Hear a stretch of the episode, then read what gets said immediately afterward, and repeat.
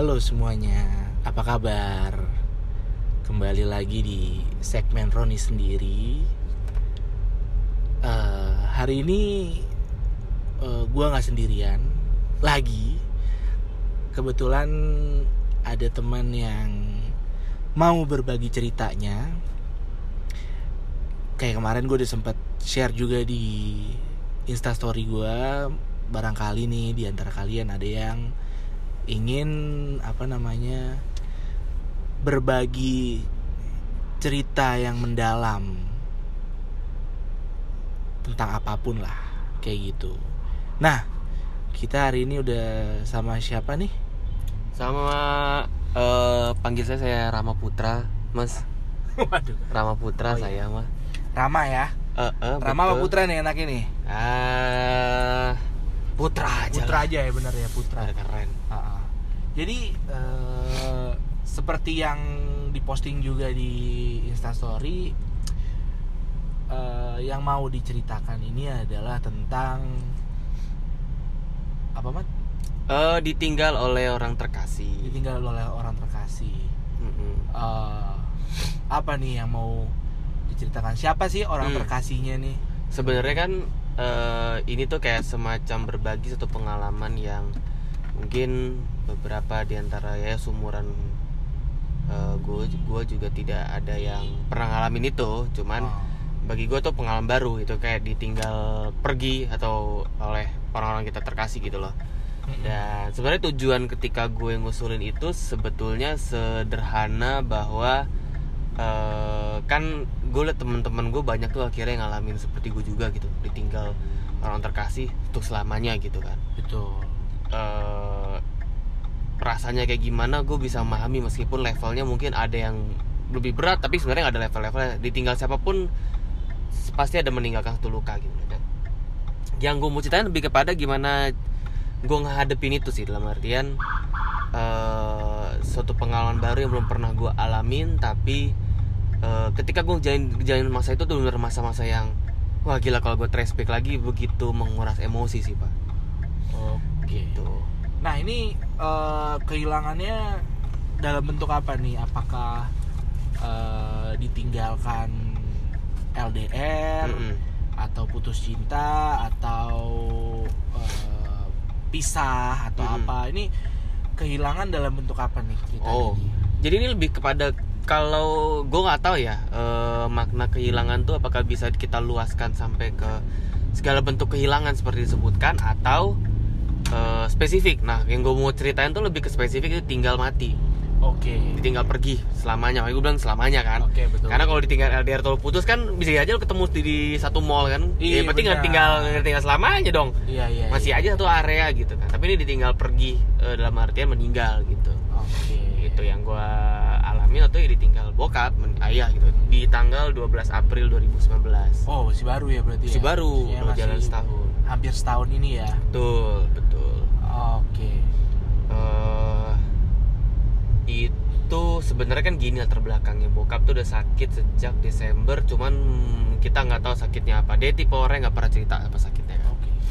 jadi punya benar-benar kayak pria Batak yang ya harus tough lah gitu sampai di Januari akhir dia masuk rumah sakit Hmm. dirawat katanya ada pembengkakan jantung Hmm. eh pembengkakan jantung udah oke. Tapi kok kita ngeliat kenapa dia masih ngerasa sakit gitu lah. Akhirnya makin lama kok makin drop. Itu di- dilihat dari kayak kok HB-nya turun kok eh, trombosit eh iya trombositnya turun gitu loh. Nah itu makin buat kita curiga. Harusnya ketika keluar dari perawatan rumah sakit itu udah sembuh. Akhirnya kita bawa lagi ke rumah sakit yang lain.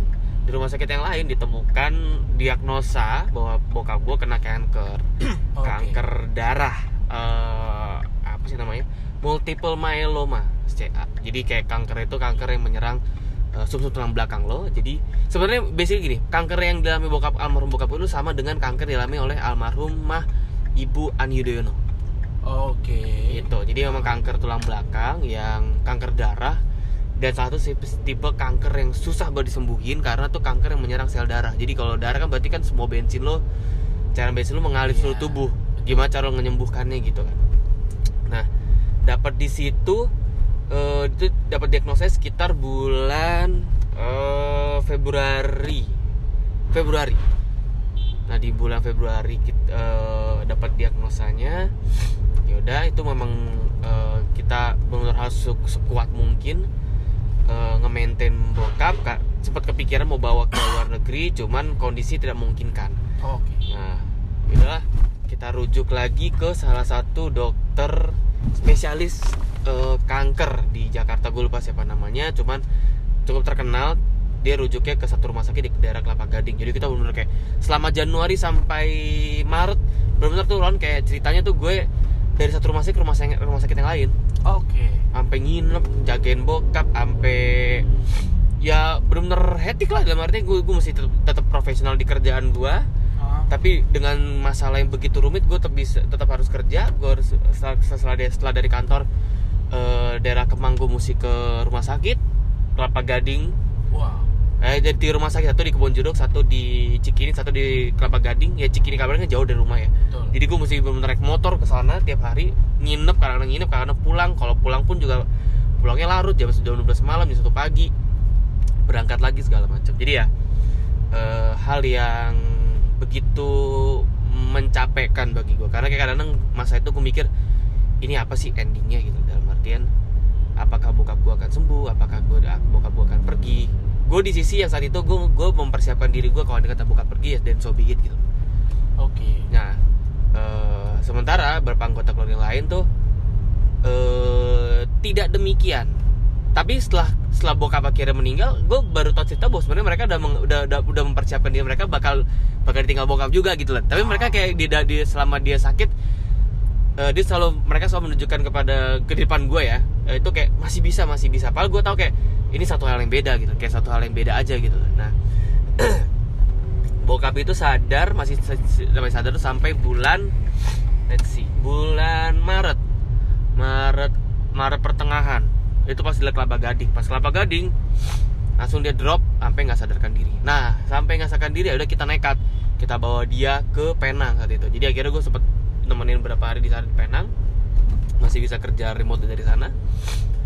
Eh, di sana kita pikir bakal bagus. Actually sebetulnya ada perkembangan bagus tapi ternyata eh, kalau gue bisa simpulkan too little too late untuk kita bawa ke sana. Andai kata bisa dibawa ke sana bulan Januari let's say masih mungkin masih bisa ada lifespan-nya gitu lebih panjang. Kalau misalnya tidak bisa sembuh gitu loh. Cuman ternyata too little too late. Apa yang di kalau semua obatnya pun udah nggak mempan. Jadi pada akhirnya dokter Pena juga angkat tangan. Kita bawalah beliau ke eh, MRCC Semanggi Siloam. Di, di Siloam juga masuk ICU udah nggak sadar. Jadi eh, sampai di tanggal 11 malam dia nggak sadar. Cuman uniknya adalah jadi kan kalau perkembangan kesehatan beliau kan turun terus turun. Ah. kayak bisa diinjak nih cuci darah cuci darah terus naik. Tapi turun lagi kayak ada yang ngemakan gitu loh. Eh, trombositnya dia kayak sel kankernya kan. Ah. nah tapi yang uniknya ketika se- di malam sebelum beliau dipanggil oleh yang maha kuasa untuk selamanya ke rumah ke rumah dia baliklah ke penciptanya itu eh trombositnya malah naik jauh. Kayak seakan-akan kayak eh kita kayak dikasih harapan dia bakal sembuh tau gak sih lo? Jadi kayak malamnya kayak kita masih kita happy happy hahihi terus paginya pagi jam 8 pagi kita bangun udah kayak bercanda dari rumah. Ternyata di jam 9 adek gua yang standby di rumah sakit itu WhatsApp tolong kumpul ke rumah sakit. Gue tanya kenapa? Nggak dijawab gue telepon kan. Kenapa? Eh Jos adek gue Joshua. Eh, papa udah nggak ada. Saat itu Ron yang gue alamin gue kosong bener-bener sesek sesek tuh sesek kayak dalam artian gue mengantisipasi hal itu terjadi cuman gue tidak pernah membayangkan bahwa rasa itu akan ada Iya, dan iya. itu ada rasa pertama kali yang gue rasakan seumur hidup gue gitu. Iya. karena orang terdekat gue ya belum pernah ada yang pergi selamanya gitu yang ada paling saudara kan cuman eh, saudara kan tetap ada layernya nah ini orang belum terdekat gitu jadi yang gue rasain tuh ketika gue yang tau pertama kali dan gue harus kasih tau nyokap gue. Dan nyokap gue tuh memang di posisi dia lagi ada urusan penting juga. Jadi gue gimana ya caranya waktu itu ya? Jadi waktu itu gue di tengah kesesakan gue gue langsung meluk nyokap gue. Terus gue bilang mah papa pergi. Ah. wah nangis dia tuh. Gue juga nangis saat itu gitu.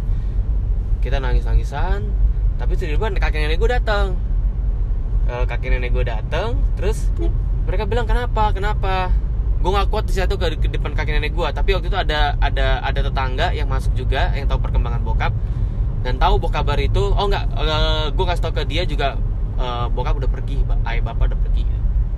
Nah si si tetangga gue itu bilang ke kakek neneknya "Eh, udah lewat. Nah saat itu nangis juga kakek nenek gue. Ah. berangkatlah kita ke sana di perjalanan Jakarta lagi macet begini gila gue gimana ya? Ya benar-benar harus nenangin nyokap gue tapi gue pun juga merasa shock gitu loh. Ya. even ketika gue cerita ini gue masih rasa itu tiba-tiba muncul lagi tuh kayak oh gue ngerti nih kayak jadi gue bisa menceritakan secara detail nih apa yang gue rasakan. Jadi eh nyampe rumah sakit itu eh, apa namanya nyokap gue wah nangisnya parah apalagi di depan jasad bokap gitu kan. Dan di sisi gue gue juga benar sedih karena gue nggak pernah membayangkan akhirnya gue ngelihat orang tua gue terbujur kaku gitu. Iya. Ter- dan gue nggak pernah membayangkan tubuh ketika gue sentuh tubuh orang tua gue bokap gue nggak respon dan dingin. Itu tuh apa ya rasa yang begitu menyedihkan ada double yang menyedihkan. Karena kayak lo harus merelakan bokap lo pergi tapi pun juga lo sedih karena melihat keluarga terdekat lo juga sedih. Itu double hit bagi gue gitu sih. Jadi ya rasa tuh bener kayak anjir jadi jadi da- tadi ya harus kita happy gue happy kayak oh bokap lagi bakal keluar nih kayak udah bakal bagus nih segala macem. Eh ternyata enggak akhirnya pergi dipanggil istri yang selama lamanya eh tapi ada satu hal yang membuat gue ada satu hal yang lesson learned bagi gue jadi ketika nenek gue tahu itu eh dia cuma bilang begini aku tunduk pada keputusanmu Tuhan. Oke. jadi kayak apa ya istilahnya kayak eh, full patuh dan nggak mau ngelawan gitu Iya. iya. beda dengan nyokap gue satu kayak masih berasa masih menghayal kayak ah nggak mungkin masa mati segala macam rasanya masih ada segala macam gitu loh Ah, iya. beda jadi kayak eh dan itu yang membuat eh gua merasa gue harus step up dalam artian gue nggak bisa selama lamanya sedih karena yang lain satu juga downnya banget jadi gue harus jadi seorang yang sebisa mungkin stabil di antara yang lain labil gitu.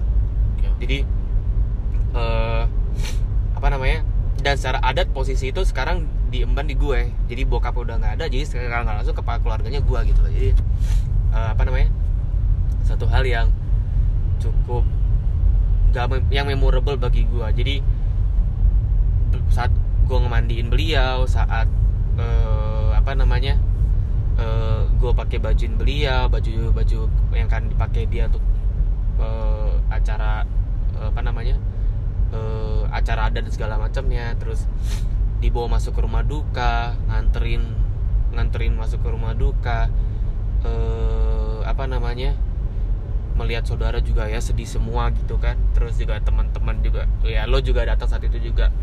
Gimana gitu ah gue harus bisa di posisi yang tetap se setegar mungkin gitu. Sementara yang lainnya pun juga juga sedih. Jadi eh, itu hal yang begitu apa ya hal baru bagi gue. Dan eh, ketika gue cerita ini sebenarnya tujuannya adalah siapa pun yang denger sih Ron. Mm-mm. dan dia baru ditinggal. Gue cuma kayak bilang gue pernah di sana jadi if you want need someone to talk to ya gue bisa bantu gitu. Karena luka tuh nggak akan pernah hilang ditinggal orang terkasih nggak akan pernah hilang dulu gue selalu kalau misalnya ke pemakaman mikirnya yang kuat ya yang kuat ya tapi ketika gue alami itu sendiri itu adalah itu hanya sebuah kata-kata yang kata-kata yang Retoris aja. retoris gitu loh kayak gue gue tahu gue harus kuat gitu cuman gue nggak bisa kuat di saat seperti ini gitu loh Iya. jadi ya eh, apalagi pun ditinggal ditinggal sama orang tua sendiri rasanya kan tuh kayak wah gimana Ron gitu kan. Dan apa namanya eh, ketika ditinggal pun itu pun rasa kosong itu nggak akan pernah hilang. Jadi kayak mau lu sebahagia apa pun mau lu seberusaha apa pun pasti ada rasa yang hilang. Kayak luka aja ket- ketika luka lo nggak bisa eh, tertutupi ya kan jadi kering aja gitu loh. Jadi daging keluar jadi sebuah bekas bahwa oh ada pernah ada luka di situ. Nah itu sebenarnya yang ada gitu loh. Jadi ya satu pengalaman baru bagi gue. Dan eh, itu satu hal yang gak akan pernah gue lupain seumur hidup even ketika gue nganterin bokap gue ke untuk dimakamkan di Medan tuh ke kampung halamannya itu juga begitu harus sih. Porsea ya por ke Porsea ke Porsea, Porsea. pulang ke Porsea. Jadi kita dimakamkan berapa di, jam lagi dari Medan? Hmm, enggak kita lang- jadi karena adalah bandara Silangit Eh, di dekat Danau Toba jadi kita kita bisa ngekat kalau dari Kuala Namu berarti sekitar 5 jam Ron jadi lu turun di Silangit Yoi, Toba yoi. I see Yo, gitu tuh. Jadi ya eh, apa namanya? Keti oh, satu lagi nih. Ketika lu meninggal, eh lu meninggal, ketika orang terdekat lu meninggal, itu eh lu hilang semua kenangan buruk tentang orang terdekat lu. Pasti semua orang punya kesalahan kan. Iya, even orang tua lu juga gak sempurna. Jadi ketika orang tua lu meninggal, lu gak akan pernah lu pasti gak akan pernah mengingat itu lagi. Gitu loh. Dan banyak hal-hal baru yang muncul ketika orang tuh udah nggak ada ngerti maksud? Misalkan kayak cerita yang baru tahu gitu. Misalkan contoh nih gue baru tahu di tahun terakhir bokap gue meninggal. Eh di setahun terakhir sebelum bokap gue meninggal dia eh, apa namanya udah sering-sering ngedoain segala macem. Sering-sering ngedoain keluarga gue segala macem. Hmm. jadi ya eh, apa namanya tiap malam lagi ngedoain ya Iya. kan jadi kayak semacam-macamnya ya semacam kayak udah tanda-tanda dari sana lah bahwa bokap gue udah pergi. Nah eh ketika lo ditinggal bokap Hmm. gue dari tadi ya gue bersyukur bokap gue masih ada. Hmm, betul. Ya. Eh, dan tapi semua cerita lo itu mengilustrasikan what if. Ya, kan? What if. Betul. Dan mungkin eh, experience-nya akan berbeda masing-masing orang. Yes pasti. Kalau misalkan kalau dia dekat atau nggak terlalu dekat atau gimana atau dari lahir udah nggak punya bapak kan beda-beda Yes. experience-nya. Yes. Pertanyaan gue ke lu seberapa besar arti bokap buat lu? Oke. S- dalam hidup lu sampai lu umur berarti umur waktu itu 28 kali ya? Yoi 28 Udah 28 tahun lu hidup seberapa besar peran bokap buat lu? Iya iya. Jadi eh, bokap bagi gue tuh semacam benchmark. Jadi kayak eh, benchmark ya? ketangguhan seorang pria. Ah, I see. Ketangguhan seorang pria. Jadi betul kata lo bos setiap orang beda-beda. Ada yang bokapnya yang dianggap kayak teman sendiri gitu. Yes, Ada yang yes, dianggap yes, yes. kayak eh, seorang dia takutin. Iya. Jadi bagi gue bokap tuh lebih kepada benchmark gue untuk melihat bagaimana seorang pria tangguh tuh kayak dia. Karena sama pengalaman hidupnya dia eh, dari cuma dari guru yang dibayar 5 ribu rupiah sebulan sampai dia bisa ngebesarin semua anak-anaknya yang ya alhamdulillah puji Tuhan udah pada jadi semua gitu. Iya. itu satu hal bentuk ketangguhan dari orang tua eh, dari bokap gue yang tunjukkan ke gue. Jadi eh, meskipun dia tuh tipenya kaku cuman ketika kaku dia bukan berarti dia nggak peduli gitu. Dan dia selalu ngajarkan ke anak-anak anak laki-laki nggak cuma gue lu lu harus tangguh. Dan itu ditujukan nggak cuma omongan tapi dalam tindak perbuatan. Seberarti itu sih bokap bagi gue. Kan eh gue lebih kenal lebih sering lu cerita soal nyokap lu nih. yes. Mereka ketemu di mana sih Matt? oh jadi kayak, kayak kalau cerita bokap lu guru dan apa yang sekarang eh, sedang nyokap lu lakukan gue mau nyari tengahnya nih. Ngerti. waktu itu kenalannya di mana sih? Jadi nah ini bagus nih pertanyaan bagus nih. Nah bokap gue kan dulu kan kuliah teknik ya di kampus. Eh, terus di mana tuh? di, Medan? Atau di enggak Jakarta? enggak. Dia dulu sempat di TB oke terus eh, dia sempat penelitian di UKI Cawang. I see. Nah di di UKI Cawang tuh dia ketemu nyokap gue nyokap gue kuliah hukum di UKI. Ah, that's sweet. Terus terus terus. Terus ketemulah dia eh jatuh cinta. Cuman uniknya memang bokap gue itu tipenya pemalu banget lah. Jadi kayak dia sebenarnya tipe orang yang nggak bisa deketin cewek. Kalau deketin cewek dia harus mabuk. Wow. That's orang Batak tips ketika Iya, iya, ket- iya, iya. ketika mabok pasti PD-nya muncul jadi Iya, iya, iya. eh, jadi dia kalau ngapel ke nyokap gua dia pasti agak sedikit mabok dulu tuh jadi berani untuk ngomong Iya, iya, iya, Ya, iya, karena iya. kalau dia nggak berani kalau misalkan dia nggak mabok dia nggak berani buat ngomong dia tuh orang pendiam banget gitu loh hmm. gue orangnya pendiam cuman lebih Iya. pendiam dia pada gue jadi lu rasanya Iya, sekaku iya. apa eh, dia gitu loh jadi eh, mabok nah dia nyokap gue nggak suka kan? Dalam arti masa nih cowok mabok sih? Gitu loh ngedeketin Iya, gue. iya, cuma nggak tahu ya mungkin udah jodoh dari garis Iya, tangan iya, iya. akhirnya dia malah jadi gitu. Jadi ketemu di situ. Nah nyok bokap gue eh nyokap gue itu kan eh, background dia lawyer. Iya iya. Dia lawyer eh, tiga tahun lah di kerja di law firm kurator. Oke. Terus eh, dia resign karena harus harus jadi rumah ibu rumah tangga. Oh ya? oh iya Wow. Iya, itu panjang tuh ceritanya tuh. Jadi intinya gini, kalau yang Iya, cerita iya. itu tuh lebih kepada eh, nyokap gue rela mele- melepaskan karir dia lagi mau diangkat jadi satu bos di situ. Coba buat jadi ibu rumah tangga, seorang suami yang saya itu guru dia profesinya cuma guru guru SMA dengan gaji 5000 sebulan. Damn. Wow. Wow. Dia. Jadi eh, apa ya? Kalau gue bisa bilang benchmark benchmark gue bangun rumah tangga tuh satunya kayak bokap nyokap gue gitu. Gue pengen Man. nggak ada yang egoisme di situ gitu loh. Wow. dia mau berani turun kayak even eh, dulu tuh ketika gua sama kakak gua kecil nyokap gua lawyer Ron yang Yes. pendapatnya sudah Iya, gede iya, iya, turun iya. untuk jadi istri seorang guru 5000 sebulan dan dia mau jualan donat di pasar bagi gila sih jualan tuh nyokap jadi adik gue eh kakak gue waktu SD jadi jualan es es es tuh masukin tau nggak zaman zaman SD yang kayak Iya, iya, ember iya, kecil iya. tuh gitu Iya. jadi adik eh, kakak gue setiap istirahat tuh jualan di sekolahnya di Menteng Atas rumah kita di Menteng Atas dulu Wow. Sementara gue masih bayi, nyokap gue ke pasar jualan donat, bawa gerobak, itu ngambil gendong gue. Segitu karismatiknya bokap lu ya. wow. Lebih kepada kayak ya dia juga beruntung punya seorang istri yang eh, setia dan eh, nggak pernah memertukan materi sih. Jadi kalau mungkin gue nggak mau stereotip, tapi kalau zaman sekarang agak sulit mencari seperti itu kan. Iya. Berarti karisma bokap lu dan bokap lu a person with a good heart sampai orang bisa terketuk hatinya untuk melakukan itu semua buat keluarganya. Artian, wow. Oh iya, Wah. banget dari yang Dan apa ya? ada ada cerita ini nggak? Eh, maksudnya nyokap lu pernah cerita nggak yang bikin dia jatuh cinta sama bokap lu apa? Oh, apa ya? Ketangguhan dia sih Ron. Oh iya. Kerja kerasnya dia kegigihannya kerja kerasnya dia. deh jadi waktu jadi emang selesai kuliah eh bokap gua kan passion dia ngajar dia sebenarnya nggak suka kerja kantoran kan akhirnya dia milih jadi guru jadi terjawab sudah kenapa dia jadi guru di awal kan Passionnya dia mengajar. iya dia suka. Mengajar Oke oke oke. terus eh Tapi nggak? PNS ya berarti ya? Jadi guru aja. guru. Damn. guru SMA wow, dia. Cool. terus dia ngajar fisika sama matematika saat itu. Terus eh apa namanya? Eh sambil itu dia jadi kuli bangunan juga. Oh iya. iya. Kuli bangunan juga. Jadi saya ngajar dia jadi kuli bangunan juga.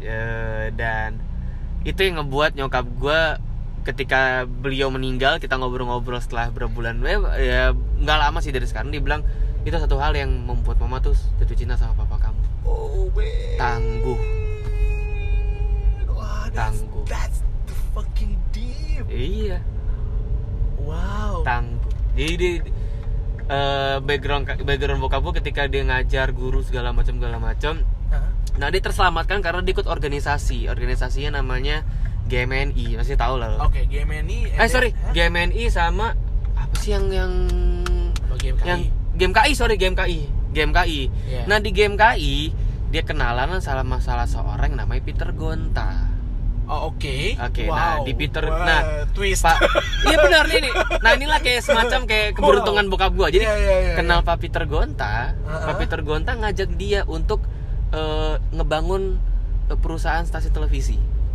di tahun 1990. Oke. Dia bikinlah RCTI ya? Yoi, RCTI. Jadi waktu itu Pak Pak Peter Gonta partneran sama Pak Bambang Tri. Iya, iya, iya. Mereka, nah bokap gua tuh teknisi first batch-nya RCTI. Oke. Jadi, itu lucu juga tuh jadi ketika itu Pak Peter Gonta approach dia Pak Rosano Barak. Rosano Barak kan pem- eh, politikus juga cuman dia juga suka ngedanain GMKI ternyata Rosano Barak ngajakin bokap gua untuk untuk jadi bantu-bantu dia di Hotel Grand Hyatt HI karena kan Rosano Barak punya saham di situ. Ah, ah, ah. nah dia bokap gua nga- ngajak. Saat itu dia nanya ke nyokap gua nanti nyokap gua satu plus nyokap gua dia visioner. Dia nanya bagusan apa kak? Pilihannya. Nyok, nyokap gua jawabnya pilih televisi lebih berguna di masa depan. Dipakai. Tuh, Iya. bokap gua masuk ke RCTI Eh, dari awal karirnya di RCTI sampai dia pensiun dia di RCTI Oh, oh ya? Oh, wow. Gue baru tahu bagian ini.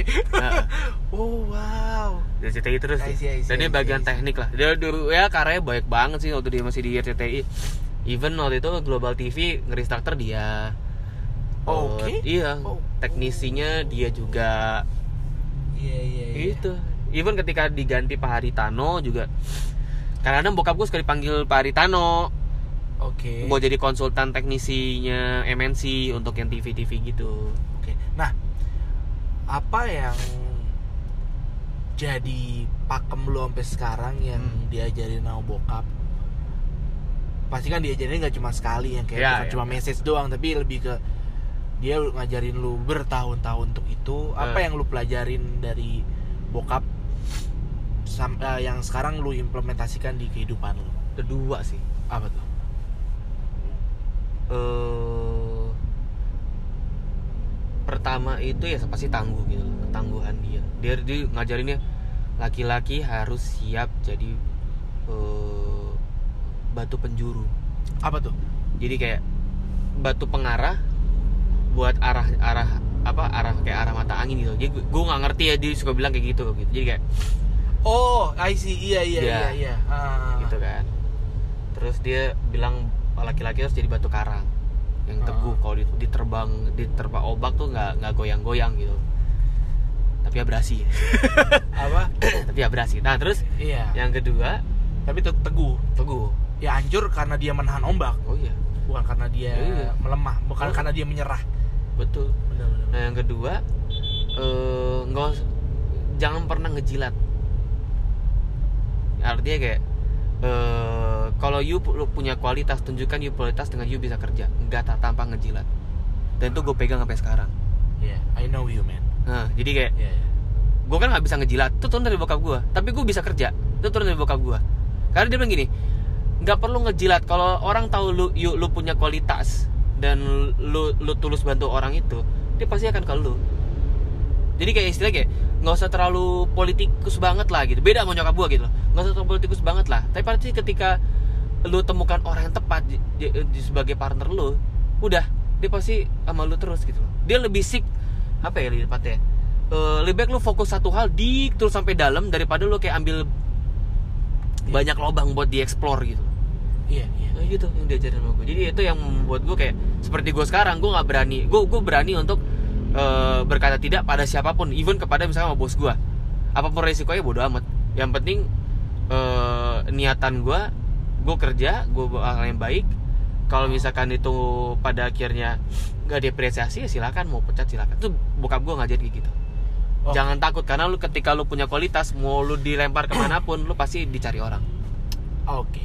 Nah terakhir nih. Hmm. karena berhubung udah mau nyampe rumah. Hmm. Eh, hidup ini kan menembus batas ruang dan waktu nih. Ya. Ya kan? Apalagi hidup setelah kematian kita nggak pernah tahu batasannya sampai mana. Betul. Anggaplah bokap lu bisa denger nih podcast. Oke. Lu udah 28 tahun kenal bokap lu bahkan lu Hmm. masih mengimplementasikan di tahun berikutnya udah mau setahun bokap lu nggak ada. Hmm. waktu itu mungkin lu gua nggak tahu apa yang udah kalian obrolin menjelang beliau nggak Iya, ada iya. atau beberapa tahun sebelumnya. Tapi kalau hari ini bokap lu denger nih. Ini Hmm. mungkin kayak klise pertanyaannya tapi Heeh, ini pertanyaan kali ah, kasih nih. Yoi. Tapi eh, mungkin nggak usah terlalu panjang-panjang atau apa segala macam ah. Kalau bokap lu sekarang mainan podcast di sana Ah. ya kan? Mainan podcast di sana. Atau God give him access untuk eh ini anak lo yang ngomongin lo nih. Ah lo mau nyampein apa ke bokap? Wow. Eh, thank you for being a good man a good leader a good inspiration. Eh, terima kasih sudah menunjukkan manusia semanusia manusianya itu kepada gua dalam artian eh, kekurangan dan kelebihannya itu dia tidak pernah eh, nggak pernah sembunyikan nggak pernah palsukan di hadapan anaknya.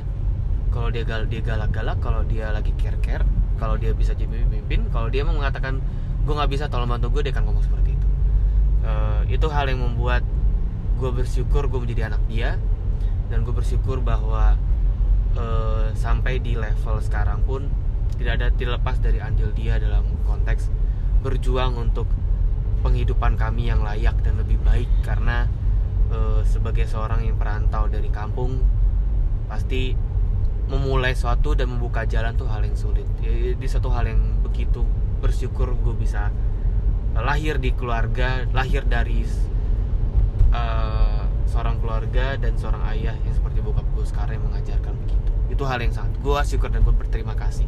Jadi thank you. Eh, semoga eh, gue bisa membuat satu hal yang lebih baik lagi daripada beliau lakukan nantinya gitu.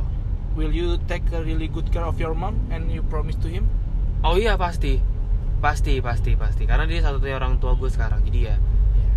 Dan itu jadi fokus gue gitu loh. Jadi per- kalau gue kan dulu orangnya tipe workaholic workaholic tapi ketika sekarang nyokap gue udah gak ada pendamping sejujurnya prioritas gue berubah. Gue kayak persetan dengan kerjaan dan deadlines lebih baik gue balik ke rumah Oh, that's the message. That's the message. Go home, bitch. like seriously, your job that will not bring back your mom or your dad when eh gone. iya dalam arti ya ya tambahan sih dalam artian ada banyak sih teman-teman profesi gue nggak tahu kalau Ron ya kayak eh, ya berpikir kayak ah masih begini lu hustle hustle ya sometimes you you have to hustle is a good thing tapi ya when you at my position you realize that is that is not the main pointing yang lo yang lo, yang lo kejar jadi eh, take a good care of your parents karena lo nggak tahu nantinya apakah besok dia ada di sisi lo atau enggak gue bukan nakut nakutin tapi gue pernah ngalamin itu dan akhirnya itu jadi pelajaran buat gue sih gitu Oke, bro. Thanks, man. siap Wah, gila. Gue nggak banyak ngomong nih sekarang nih.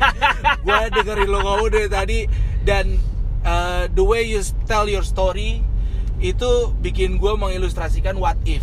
Dan Hmm. itu memang bagus. Maksud gue ketika gue harus membayangkan kejadian itu yang tadi lo bilang when you touch your when you touch your father and he's cold. hmm Damn iya gue masih masih sampai sekarang gue masih kalau berangkat kantor masih bangunin bokap gue yang kayak Good. nyolek nyolek nyolek bokap gue pah pergi Good. dulu ya dan dia Good. masih anget men Good. dan gue nggak belum ngebayangin dan gue pasti suatu saat itu akan terjadi. Tapi when it come mungkin ya enam. Buat Pasti. guanya enam kayak oh pasti. this is happen right? Iya. This is happen and iya. he's cool. Gitu Iya. yang gue ya ilustrasi lo membuat gue sadar bahwa ya kita sibuk menjadi dewasa. Tanpa kita lupa bahwa orang tua kita juga bertambah tua. Ya dan mereka sibuk jadi tua. Iya itu itu part yang yang menurut gue lupa untuk diingat oleh generasi kita yang milenial sih Iya. bagi gua Iya. bagi gua jadi